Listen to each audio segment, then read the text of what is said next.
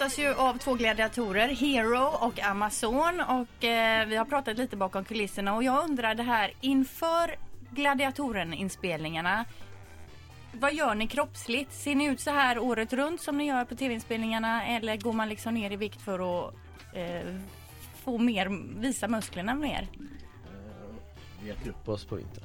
Ni äter upp er på Ja. vintern ja. Ja. För att ska man lägga på sig muskler måste man ha ett visst energiöverskott i, i maten. Du behöver äta lite mer än vad du gör med. ja.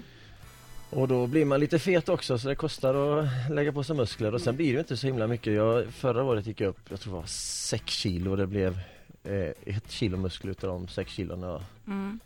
Så, ja. Ja, ja. Och för, för, för att fylla i det, visst vi, vi deffar som man säger, alltså man går ner i fett inför inspelningarna för att se lite bättre ut. Sen vill man ju inte, jag menar som jag som är ganska lätt, vill ju inte gå ner för mycket heller för vikten är ju viktig. Ja, Ja. Det måste ju finnas någonting att sätta I- i emot matcherna, när ja, utmanarna kommer flygande. Plus att jag vill tillägga också, jag tycker inte det är sunt att gå och ha ådror på kroppen året runt. Jag tycker Nej. inte det. Det är, det är ingen, eh, ingen bra. Nej. Men, men eh, nu är du i vinter och då är ni stora och sen till sommaren då är ni jättetunna. Faktum är att när man är deffad, det är då folk säger åh, nu har du vuxit, har du blivit Ja. större muskulärt? Nej, jag är faktiskt 3-4 kilo lättare Ja. när du såg mig sist.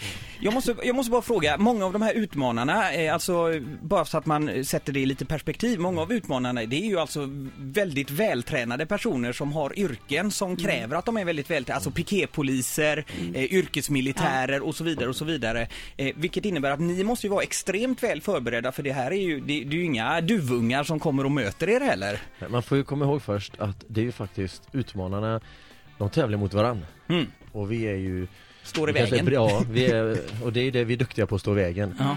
Men eh, om vi skulle springa hinderbana och sånt här mot de här killarna va, då skulle vi vara torsk. Det kan Ja. jag lova. Och, sen- och Du sen kanske? Är det, ja, ja. Oj, oj, oj. Ja, men Cecilia, vilken är din eh, favoritgren?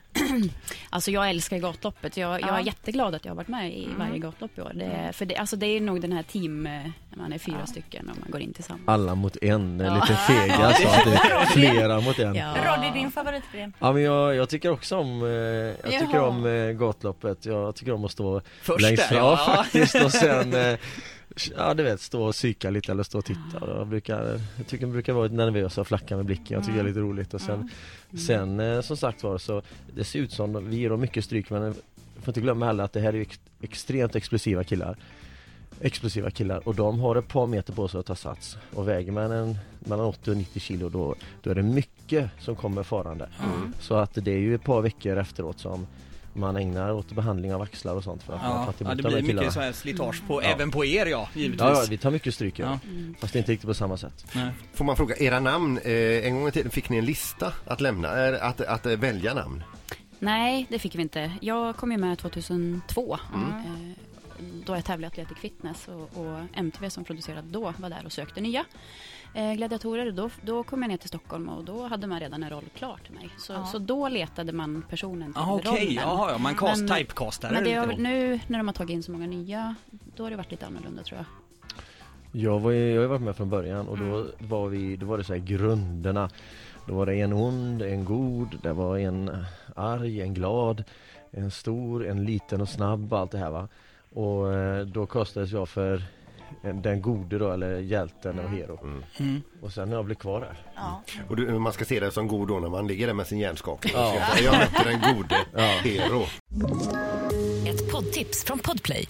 I podden Något Kaiko garanterar östgötarna Brutti och jag, Davva, dig en stor dos skratt. Där följer jag pladask för köttätandet igen. Man är lite som en jävla vampyr. Man har fått lite blodsmak och då måste man ha mer. Udda spaningar, fängslande anekdoter och en och annan arg rant. Jag måste ha mitt kaffe på morgonen för annars är jag ingen trevlig människa. Då är du ingen trevlig människa, punkt. Något Kaiko, hör du på Podplay. Därför arkadeinerna.